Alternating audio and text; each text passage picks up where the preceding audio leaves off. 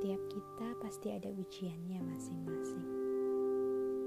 Tak ada yang terlewat.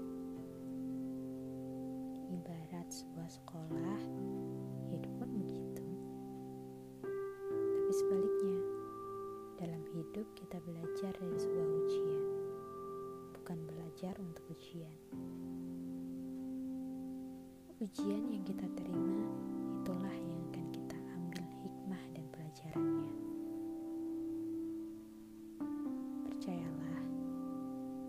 bersama kesulitan, ada kemudahan. Setiap pilihan pasti terdapat jalan. Sementara di antara sebuah cobaan dan ujian, pasti terdapat hikmah dan pelajaran. Bila masalah, gelisah, dan gundah sering mengirsi harimu, mungkin karena Pun boleh jadi jarak sujudmu dengan sajadah sering kali tak rapat. Maka tak ayal, gelisah dan gundah datang bila kita sering lupa untuk berdoa dan meninggalkan kewajiban.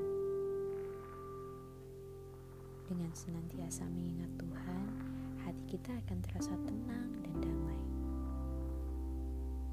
Sungguh bahagia bila kita selalu menempatkan Tuhan menjadi yang utama dan pertama. Karena di sana Tuhan pasti akan selalu menjadikan kita pun sama. Kita menjadi hamba yang selalu dicukupkan